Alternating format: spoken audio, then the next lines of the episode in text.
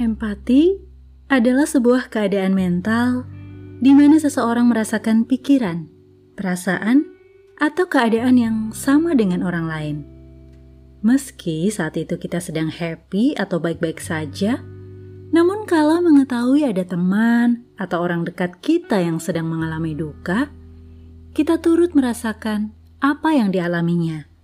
Demikian pula sebaliknya saat teman atau orang yang dekat dengan kita sedang bahagia akibat pencapaian yang dialami, kita dapat turut berempati sebagai bentuk dukungan kita terhadapnya.